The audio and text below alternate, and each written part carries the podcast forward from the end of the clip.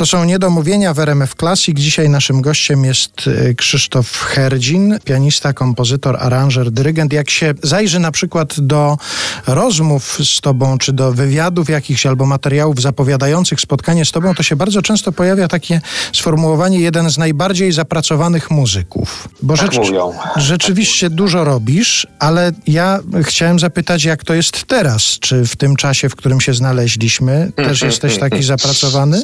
Wiesz, przychodzi mi na myśl taki mem, który od dawna krąży w sieci. Jest to grafika albo zdjęcie pochylonego nad nutami starszego pana bądź młodszego pana, bo tych wersji memów jest wiele. I przy jednym jest napisane kompozytor przed kwarantanną, przy drugim kompozytor w kwarantannie. I oczywiście te dwie podobizny niczym się nie różnią.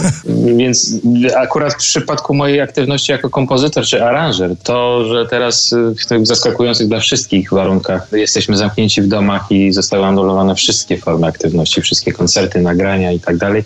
Dla mnie to nie ma specjalnego znaczenia, ponieważ na szczęście mogę pisać. Cały czas mogę pisać pisać, mam co pisać, mam dużo pomysłów, mam dużo weny twórczej, która mi podrzuca różne ciekawe myśli i koncepcje, więc pod tym względem e, nie narzekam na jakąś bezczynność, na, na marazm, ale z drugiej strony no rzeczywiście od e, połowy marca zostały skasowane wszystkie moje aktywności jako muzyk i dyrygent. I to ten brak koncertów doskwiera bardzo, bo jednak no, forma koncertowania jest dla artysty każdego, czy dla aktora, czy dla śpiewaka, czy dla, dla muzyka, czy dla dyrygenta, no jakby taką solą ziemi, bym powiedział. I to, że mamy kontakt z publicznością na żywo, to, że wymieniamy się energią, wibracją. No i jestem tylko uzbrojony w wielkie pokłady cierpliwości i czekam, kiedy sytuacja wróci do normy, chociaż no może się okazać, że to wcale tak szybko nie nastąpi niestety.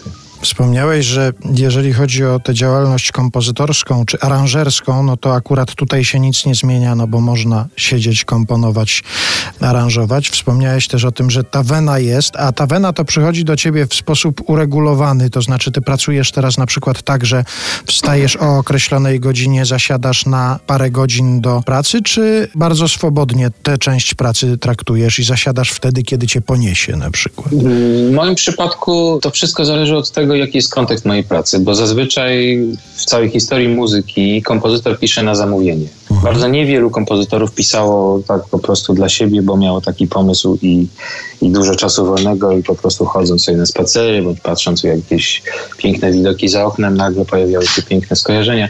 Bo tak się dzieje, ale, ale dużo rzadziej, bo zazwyczaj no, największe dzieła w historii muzyki powstały na zamówienie i to zwłaszcza wtedy, kiedy było mało czasu i wisiał nad nami reżim czasowy i, i, wtedy no, tak powstawały najpiękniejsze opery Mozarta, tak powstawały dzieła Ravella, Gershwina i tak dalej. Więc y, ja zazwyczaj jak komponuję, komponuję na zamówienie oczywiście i wtedy wiadomo, że muszę sobie narzucić pewną dyscyplinę, pewien reżim i staram się, jeżeli nie gram w tym czasie koncertów i jestem w domu, pisać codziennie. To jest taka praca jak pójście do biura od godziny tam, nie wiem, jedni od 7 do 12, drudzy od 10 do 16 ale jest to bardzo sprzyjające pracy, ponieważ jakby narzucamy sobie ten wewnętrzny reżim i bywa tak, że jednego dnia napiszemy kilka taktów, drugiego dnia kilkadziesiąt taktów, ale cały czas ta praca z dnia na dzień posuwa się do przodu. Więc teraz zdecydowanie pracuję w ten sposób. Napisałem teraz na przestrzeni dwóch miesięcy, kiedy jestem już uziemiony w domu, napisałem Tedeum. To jest akurat utwór na zamówienie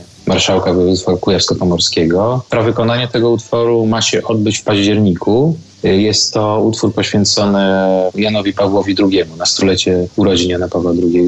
I ja planowałem wcześniej, że skomponuję ten utwór w wakacje, w lipcu, w sierpniu, kiedy według pierwotnych moich planów miałem mieć sezon taki trochę ogórkowy, bez koncertów. No i nagle się okazało, że wszystko uleciało z dymem, więc teraz przez te dwa miesiące codziennie właśnie w ten sposób pisałem po kilka taktów, kilkanaście taktów, pojawiały się nowe pomysły i napisałem prawie 40 minut muzyki, więc y, staram się pisać codziennie, tak. Oczywiście bardzo dużo spędzam czasu na dworze, na spacerach. Mamy trzy psy, więc one też zmuszają do wychodzenia i do spędzania z nimi dużo czasu. Także to, to ładnie mi się to wszystko póki co ułożyło. To może sięgnijmy po coś z Twojej twórczości kompozytorskiej. Let the story begin, a do rozmowy wrócimy za chwilę.